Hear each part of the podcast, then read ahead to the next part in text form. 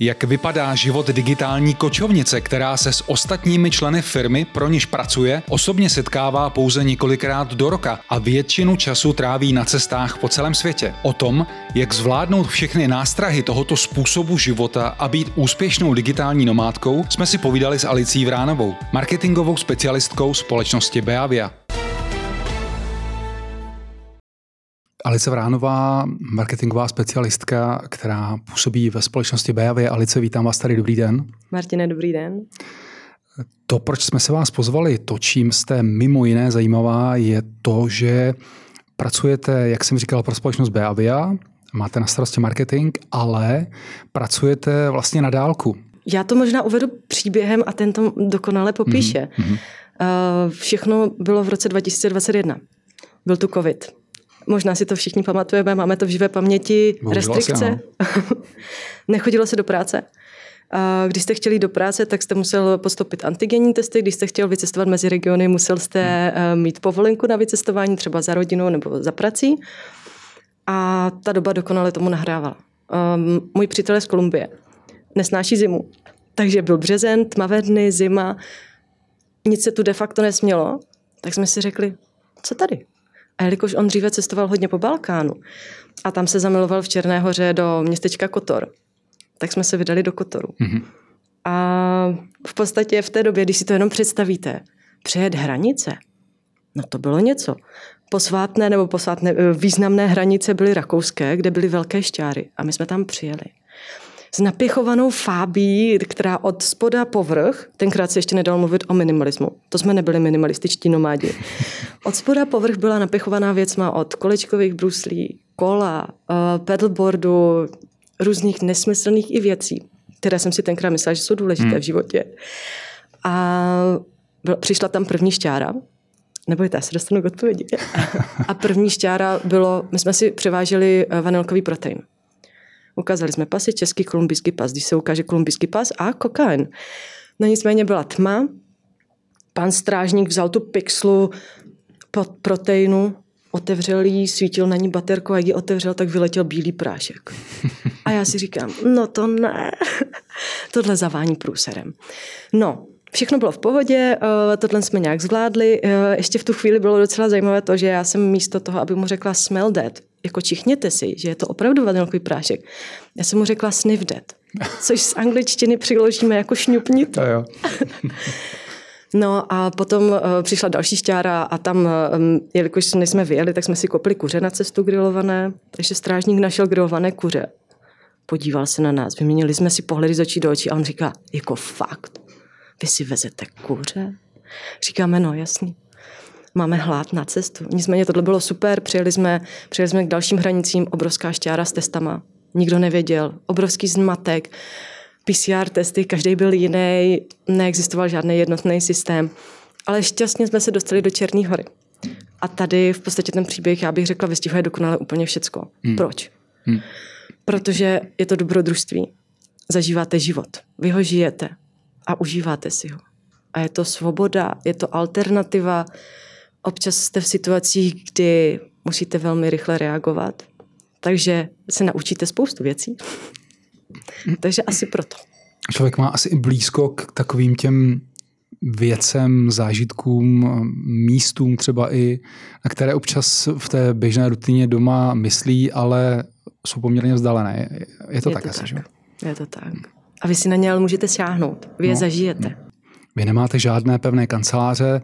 Můžete říct, jak máte ten systém nastavený, jak to funguje? U nás v Beavia, přesně jak jste řekl, nemáme žádné kanceláře, máme pouze výrobu a většina týmů pracuje na dálku z domu. A máte nějaký systém, to znamená, že se třeba jednou za čas setkáte osobně, nebo to všechno řešíte pomocí nějakých online konferencí? Jak to, jak to je? Většinou jsou to online konference. Ale čas od času, třeba když jsem v České republice, což je většinou v teplých měsících, takže zrovna teď se setkáváme, ale pouze s kamčou. Mm-hmm. Uh, co se týče celkového firmního setkání, tak je to většinou jednou za dva měsíce, jednou za tři měsíce, ale to je setkání, že se sejdeme jako tým, neřeší se pracovní věci. Jasně. Já bych jenom upřesnil tu kamču, je to Kamila Hotáková, šéfka, vlastně spolumajitelka BAV, kterou jsme tady mimochodem také měli v rozhovoru.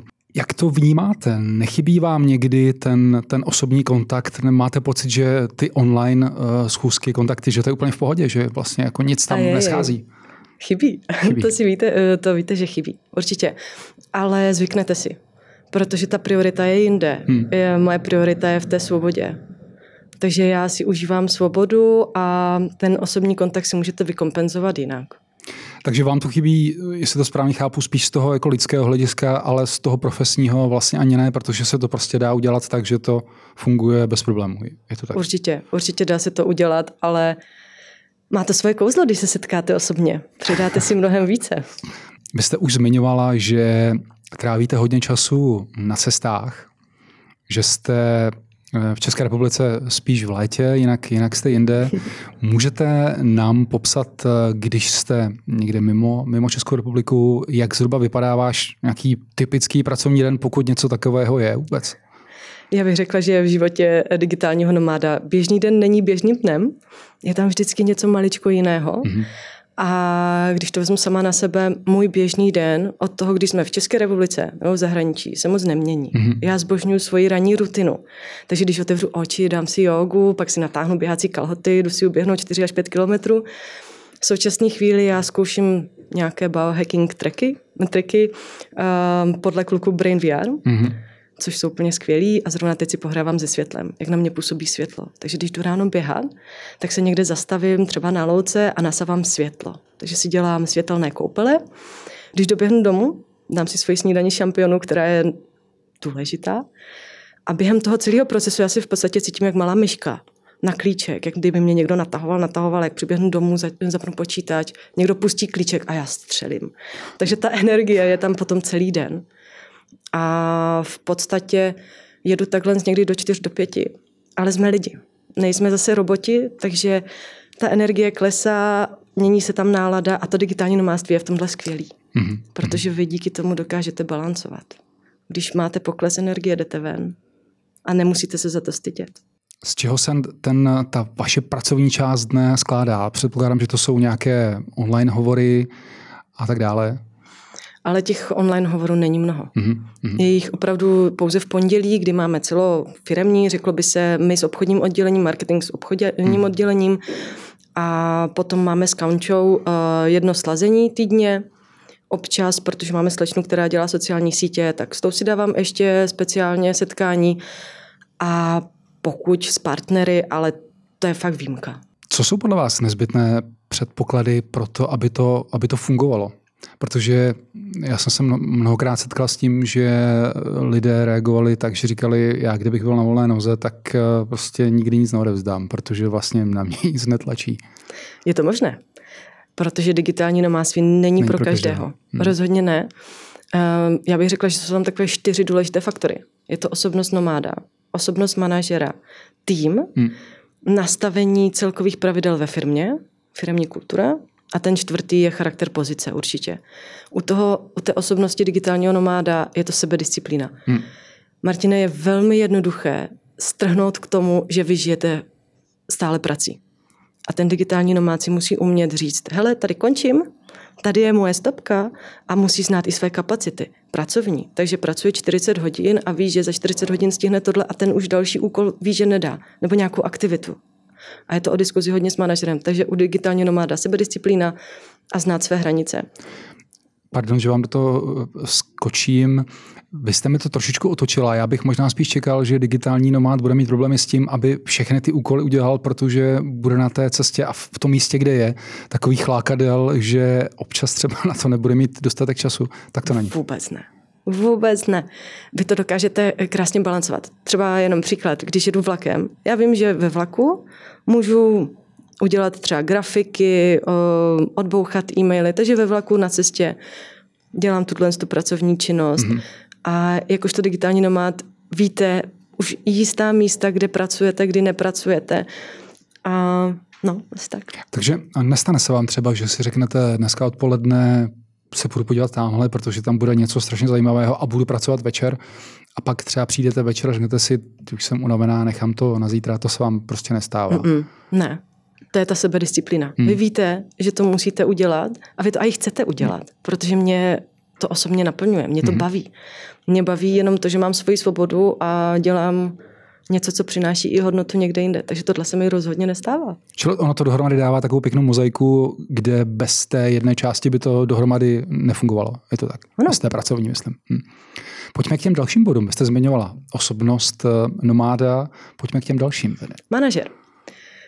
Neskutečně důležité, eh, aby manažer měl respekt, nebo respektoval svého nomáda, eh, podporoval jej a zde není čas na mikromanagement. Rozhodně ne. S mikromanagementem by nemohl digitální nomád eh, být digitálním nomádem. A když mluvím o té podpoře manažera um, a naslouchání, je důležité v podstatě, když hm, digitální nomád řekne, hele, tady končí moje kapacita, na tyhle činnosti už já nemám, mm-hmm. tak aby manažer řekl, super, pojďme najít nějaké řešení a pojďme se na to podívat jinak. Uh, takže to by byla osobnost manažera ten tým. Uh, jsme lidi. Občas může být nějaká závist mezi námi, takže je důležité i nastavení v celkově ve firmě, aby tam nebyly tyto pocity a ne nadarmo se říká. Dokonce je o tom několik i výzkumů, že nejefektivnější týmy jsou ty týmy, kde existuje takzvané psychologické bezpečí, což znamená, že jsou tam otevřené vztahy, vy se můžete uh, pobavit s lidmi, jak se cítíte, hele, dneska mám mm, není mi dobře, nebo mám vyšší míru stresu, děje se mi tohle, tohle, tohle, což u nás funguje. Ale tohle asi se nedá nějak ze zhora nadiktovat. To prostě záleží mm-hmm. podle mě na tom, jak, jaký lidé tam jsou. Pokud Přesně jsou tak. takový, tak pak to může fungovat, ale že manažer řekne, bude to takhle, tak to asi nestačí. Nestačí. A přesně vy se to krásně vystihl. A možná se k tomu dostaneme v průběhu, hmm. kdy v podstatě předtím, než jsem se dostala já do Beavy a tak uh, tam Kamča si místo mě vzala někoho jiného a tam přesně ten fit nebyl. Mm-hmm. A tam by to asi jako nefungovalo. Takže přesně je to podle toho, jaké si tam najmete lidi. Stejný charakter, stejné hodnoty, stejné smýšlení, stejný životní styl. Takže tam je asi extrémně důležité, eh, jsou důležité ty nějaké vstupní pohovory, to když se vybírá nový člen týmu, tak aby se dokázalo odhalit, že do, to, do téhleté filozofie zapadne? No, to je velmi těžké. těžké. Je to těžké, ale dokážete to. Počas to odladíte. Hmm. Jde to... Jde to. Hmm. A ještě poslední. Hmm. Charakter pozice, tak to je nám asi všem jasné. Víme, že některé pozice k tomu nejsou vhodné. Nechybí vám někdy, my jsme už o tom mluvili, že ta, eh, ten kontakt mezilidský že možná může chybět a nefunguje nemůže se stát po čase, že když se ti lidé osobně nevídají, že eh, jak se říká, takové to staré české přísloví sejde z očí, sejde z mysli, já to nemyslím úplně doslova, ale že když ti lidé se opravdu jako nevídají osobně, tak se může stát, že vlastně tak trošičku jako ty vztahy tam úplně eh, nefungují. Eh, jde to pomocí těch online nástrojů tohleto vynahradit? Jde. Dokonale. Hmm. Vám to dokonale nahradí ten osobní kontakt. My máme všechny setkání, jsou s kamerou. Neexistuje, hmm. že bychom se neviděli hmm. bez kamery. Takže je to dostačující. Není, ne, není tam rozhodně si jde z očí, si jde z mysli. Ne. Hmm.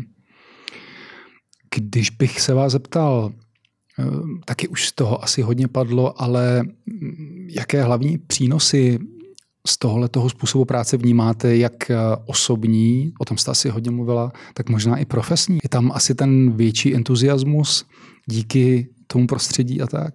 No, kdybych tohle schrnula, jaké tam byly přínosy, tak rozhodně naučila jsem se minimalismu. Přeskládala jsem si životní priority, takže vím, co je pro mě teď v životě důležité čas od času se stane, že mi přijde nějaká nabídka a jsou tam peníze navíc, ale chci, hmm. abych šla do kanceláře. A já vždycky říkám, ne, ne, ne, svoboda pro mě nemá uh, hodnotu peněz. Hmm. Takže uh, uspořádání si priorit, uh, dále určitě, co jsem se naučila, uh, vděčnost. Jsem vděčná. Jsem vděčná za lidi, které jsem v životě potkala, za svou rodinu. Mám, dal by se říct, možná větší úctu a jelikož jsem od těch lidí po většinu roku dál, mm-hmm tak si toho času s nimi vážím 300 násobně víc. Takže určitě to bude nějaká úcta. Dále, co, co jsem se ještě naučila, uh, sebepoznání a poznání nových kultur. A Martina, vůbec je to super to, že když jste v zahraničí, vy nasáváte, vy jste jak houba a vy nasáváte inspirace a tu inspiraci přenášíte potom hmm. do osobního života, ale i do pracovního života. Rozumím. Já mám třeba super dva příklady. Když jsme byli v Kolumbii, tak jsme přišli do krámu a tam byla voda s logem, které využívá nejmenovaná česká značka. Když jsme přijeli do Koreji, tak naopak, když jsme uh, přišli tam, já mám takovou uchylku, že když už vejdu do supermarketu, tak já sleduju, fotím, sdílím s kamčou a tak dále. Takže a tam jsem naopak viděla design značky, která přišla později na český trh. Uh, nebo značka nepřišla, jenom ten design. Ta hmm. značka si ho asi převzala, vykradla. Jasně. Takže učíte se spoustu věcí. Jak se dá provést úspěšná změna obchodní značky, takzvaný rebranding, i v malé firmě, která nemá k dispozici milionové rozpočty? Svou vlastní zkušenost v rozhovoru pro Business Info krok po kroku představila Kamila Lhotáková, spolumajitelka a šéfka marketingu společnosti Beavia, původně I Love Humus. Když naopak se budeme bavit o překážkách, co může být teoreticky problém mm-hmm. při tomhle způsobu práce? Překážky. Myslíte uh, překážku, eh, která je překážkou, aby se digitální nomád stal nomádem, nebo nástrahy, které na vás čekají Spíš na cestách? nástrahy, které na vás čekají při tomhle způsobu práce. Nástrahy, když přijedete do místa. Představte si, že si objednáte super ubytování. Přijedete do toho ubytování, ale to ubytování není podle vašich představ, tak jak to bylo na fotkách. Zjistíte, že je to buď špinavé, nebo nefunguje internet. To je jedna z nástrah. Vy nemůžete se stoprocentně nikdy na nic spolehnout. Musíte mít v hlavě jistý plán B. A potom další nástrahou je určitě, že se vám stane něco s počítačem. No, když vám to skočím, tak pro vás vlastně je důležité, abyste měla odkud nebo nějaké místo, kde můžete pracovat, abyste měla dobré připojení a fungoval vám počítač. A to je vlastně v zásadě všechno, je to tak? Ano. Ale ono to mnohdy asi není úplně jednoduché i tady toho dosáhnout. Že? No, Protože no. já jsem v nějakých vašich materiálech četl, že eh, jak jste někde poměrně dobrodružně hledala místo, odkud byste mohla skutečně ten online hovor, takže ono asi ne vždycky je to, je to v pohodě. Eh, je tam spoustu faktorů. Eh, ten, já vím asi kam narážíte. Byl to příběh z Kolumbie, kdy jsme oba s přítelem měli ve stejný čas jsme měli mít setkání, online setkání s našimi týmy. No ale nějak časově nám nevyšlo, že jsme se dostali do naší cílové destinace, takže jsme museli vyskočit hmm. z autobusu a tam jsme si našli, představte si tržnici, dvoupatrová tržnice, kde dole všichni křičí, sjednávají cenu. A my jsme si vyskočili nahoru do druhého patra, kde nebylo vůbec nic, pouze pár stolů, pobíhali tam po zemi krysy a my jsme si tam teda rozjeli naši osobní kancelář. Takže opravdu musíte někdy, někdy jsou situace opravdu alternativní a musíte jednat rychle co se týká třeba nákladů, asi potřebujete, přece no to není jednoduché, eh, pokud cestujete do třeba do větších dálek, do relativně exotických zemí, tak eh, asi ty náklady, ať už na cestu nebo na ubytování, tak přece jenom jsou poměrně vyšší, takže vy vlastně musíte vydělávat víc trošku, asi, že jo, je to tak? No není to tak. Není to tak? Přesně, vůbec to, to tak není. A Nevím, kde se to vzalo, ale digitální nomádství má nyní uh, značku vysokých cen. Mm. Ať mhm. už je to u nás nebo v zahraničí, kamkoliv přijedete a máte prostory pro digitální nomady nebo ubytování pro digitální nomady, tak je to většinou dvojnásobek, než když si sjednáte normální Aha. nájem, běžný. Mm. Um, no, a opravdu nevím, kde se to vzalo, ale abych to uvedla na pravou míru, vy jako digitální nomad máte volbu. Takže vy dokážete optimalizovat vaše náklady. Vy si mhm. vybíráte destinace Jasně. levnější a tím pádem investujete do svého budoucího já. Takže když to vezmeme, jedete do Kolumbie, ano, počáteční náklad, letenka, vás vyjde trošku dráž, ale už jenom ten samostatný život v Kolumbii hmm. vás vyjde, my jsme si to počítali, je to, eh, bylo to před rokem a půl, dva a půlkrát méně než v České republice. Jste mě trošku uvedla na pravou míru. Eh, já jsem někde četl, byl to teda článek starší, starý pár let, ale bylo to obecně o práci na volné noze a v tom článku se psalo, že je to vlastně poměrně masivní trend i v České republice, že lidi, kteří takhle pracují nebo tímhle způsobem pracují, takže jich poměrně rapidně přibývá a že třeba i Praha se stala jednou ze světových metropolí coworkingu. Vnímáte to taky tak, nebo jaký máte pocit tady z toho?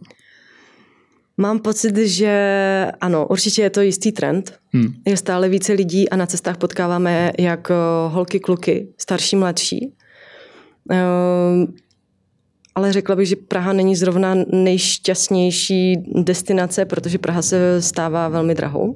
Takže možná ty, ty příležitosti tam jsou, ale ale ty náklady to tak trošku jako negují, jestli to správně chápu. Rozumím. Ano. Myslel jsem příležitosti z hlediska jako technického zabezpečení a vůbec nějakého prostředí. Asi. Jej, pokud bychom se bavili o technickém zabezpečení, hmm. Praha je úžasná. Hmm.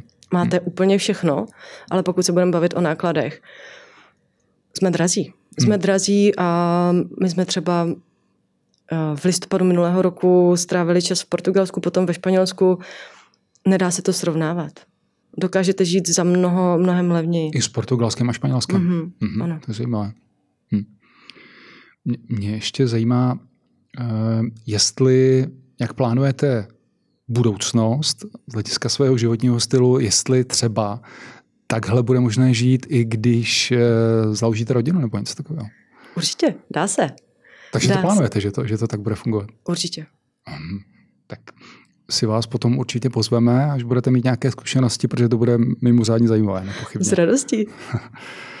Pojďme se teď trošku víc zaměřit na eh, to, co, čím se zabýváte, to znamená na marketing. Vy asi máte v úzovkách trochu zjednodušenou pozici, myslím z hlediska toho, jakým způsobem práce nebo jak, jak vy pracujete eh, s nástupem těch moderních technologií. To znamená, že dneska asi sociální sítě firmám hodně pomáhají, pokud jde o marketing, protože asi dochází k odklonu od těch tradičnějších metod, jako bylo to obvolávání lidí a reklama v tisku a tak dále. Je to už dneska tak, že ten digitální marketing může být vlastně plnohodnotný a není potřeba nic jiného? Dá se to takhle zobecnit? Jo i ne. Uh, já bych řekla, že digitál nebo sociální sítě určitě zjednodušují přístup k zákazníkovi, ale v dnešní době jsme přehlcení. Jsme přehlceni a z každého rohu na nás srší několik sdělení. Ještě před dvěma roky jsem četla, že stačí pět zásahů, což znamená pětkrát musíte někde vyskočit na zákazníka, mm-hmm. aby si eh, vás koupil. V dnešní době už je to 14krát. Mm-hmm. Ale sociální sítě rozhodně zjednodušují cestu k zákazníkovi a jsou plnohodnotným nástrojem. Já jsem se vlastně chtěl i tady na to zeptat, protože Eh, samozřejmě konkurence je, je dneska velká v podstatě v jakémkoliv oboru a přijde mi, že opravdu každý se učí, jak ten digitální marketing zvládnout, eh, jestli vůbec opravdu je možné, aby se ty firmy v, tom, v té obrovské změti toho obsahu na sociálních sítích a vůbec na internetu jako dokázali prosadit, aby tam dokázali 14krát na toho člověka vyskočit. Je to těžší a těžší a do toho vám hází eh, klacky pod nohy i Facebook a jeho algoritmy a nastavení, protože se to neustále mění. A když bychom se na to podívali z hlediska těch malých firm, které často nemají specialistu marketingového, který třeba umí pracovat s těmi texty, Oni by si teoreticky sami zvládli tu kampaň na, na těch sítích internetu udělat, ale třeba tam schází eh, tady to know-how, tak eh, co s tím můžou dělat? Můžou si třeba podle vás eh, třeba najímat nějak tyhle ty lidi klidně i projektově, nebo může to být cesta? Je to cesta. A myslím si, že každá firma by měla mít svého marketingového specialistu, mm-hmm. protože marketingový specialista zná firemní kulturu, je nasáklý firemní kulturou, ví, jak ta značka chce komunikovat, jak má vypadat eh, a tohle know-how on dokáže potom uh, dávat dolů, třeba agenturám různým, hmm. které si můžete najímat na zprávu uh, kampaní, na Google, na seznamu, um, po případě na zprávu e-mailingu a tak dále. Takže by měl být spíš opravdu členem týmu, než že by to byl někdo, někdo externí. To. Já tuto uh, myšlenku zastávám. Ještě mě zajímá, asi takový výzkum neexistuje, ale základě vašich zkušeností, jestli jsou v České republice, nebo asi jsou, ale jestli byl, by byl zkrátka problém pro vás, kdybyste třeba skončila v Beavii a hledala další firmu, která by, byla, která by měla takhle nastavenou tu firmní kulturu, o které jste mluvila, a která by byla v pohodě s tím, že pracujete jako digitální kočovnice, jak, jak, jste, jak jste řekla. Myslíte si, že byste uh, tu příležitost našla bez problémů v České republice? Nejsem si úplně jistá v současné chvíli, protože většina firm už vyžaduje přítomnost na pracovišti. Hmm. Přece jen uh, se tu rozjel trend, že když nejste uh, v praco- na pracovišti, tak nepracujete. Hmm. Bohužel někteří manažeři mají tento pocit, takže firmy se zpátky vracejí k třikrát třeba v kanceláři, dva dny jste doma, nebo naopak. Takže je to velmi těžké v současné chvíli, zejména v České republice. Jak tohle vlastně vnímáte? Mně přijde, že a asi se pletu, protože jsem nikdy v té pozici toho manažera nebyl, ale že to prostě funguje tak, že si stanovíte úkoly a pokud ten člověk je udělá, tak je vlastně jedno, jestli je dělá v kanceláři nebo někde úplně jinde. V čem může být ten, ten v úzovkách háček, že spousta lidí to takhle nevnímá? Někteří manažeři mají tendenci mikromanagementu. Potřebují hmm. vás mít pod kontrolou a je to jenom o tom, že neumí delegovat, neumí se vzdát hmm. svých pravomocí na nižší úrovně, ale když se toho vzdají, oni si neskutečně u, uleví, protože se můžou soustředit na svou práci, dají svobodu svému podřízenému, který může plně vykonávat kdykoliv, kdekoliv a jakkoliv. Hmm. Ano, možná Možná, že zatím je i to, já jsem viděl nějaké statistiky, jak bude se proměňovat trh práce po covidové pandemii, tak z toho vycházel, byl to průzkum na poměrně velké, velké skupině lidí, že pořád drtivá většina lidí bude pracovat v kancelářích, bylo to asi téměř 90%. Taky si to pamatuju. Takže a že spousta lidí to vlastně vyžaduje, že pro ně není varianta pracovat nebo home office, že to není úplně to, co by, to, co by chtěli, takže možná i tohle eh, stojí za tím vnímáním toho, tohle způsobu práce. Martine, my jsme totiž i vyrostli v režimu. Hmm. Jdete do školy, od 8 do tolika jste ve škole a neustále jedete v nějakých kolejích, už od malička. A když máte možnost pracovat na volné noze nebo z domu, tak najednou vy si určujete svůj režim. Hmm. A já mám takový pocit, že spoustu lidí neví, co sami ze sebou, neví, co se svým volným časem, jak si stanovit sami režim a naprosto jim pomáhá dojít do místa, vykonávat práci hmm. z jistého místa, zavřít dveře, jít domů. Že tento režim jim pomáhá a proč ne? Určitě spousta lidí třeba nemá dobré podmínky, aby mohla, aby mohla doma pracovat bez problémů, ale, ale rozhodně to, co říkáte, určitě je taky jeden z argumentů. Jaké máte další plány? Ať už jde o vaše cesty nebo o, vaše, o vaší práci v Beavi. Ohledně cestování, my budeme do konce léta v České republice, protože Praha je úžasná mm, během léta. A potom se vydáváme opět do Kolumbie eh, na tři měsíce a vracíme se v prosinci. Potom nevíme, uvidíme, kam nás zavane vítr. A plány v Beavia tam pojedeme pořád stejně a dál? Ještě mě napadá, jestli při tomhle způsobu práce si někdy vyčleníte takovou tu klasickou dvoutýdenní dovolenou, kdy neděláte vůbec nic, nebo jak to vlastně jak tohle funguje? Musím. Je na mě tlačeno z vrchu, že si musím vybrat dovolenou, což je správně, já to respektuju a taky sama chci. Takže například, když budeme teď v Kolumbii, tak si vezmu týden, potom, eh, když budeme cestovat okolo, vezmu si druhý týden. Je to klasický. Takže během roku vybírám dovolenou jako každý jiný. Taky se vám daří a děkuji za rozhovor. Děkuji. Naše další inspirativní rozhovory zaměřené na různá podnikatelská témata si můžete poslechnout na podcastových platformách Spotify, Google Podcast a Apple Podcast. Videoverze rozhovorů pak najdete na YouTube kanálu Business Info a aktivní jsme i na sociálních sítích.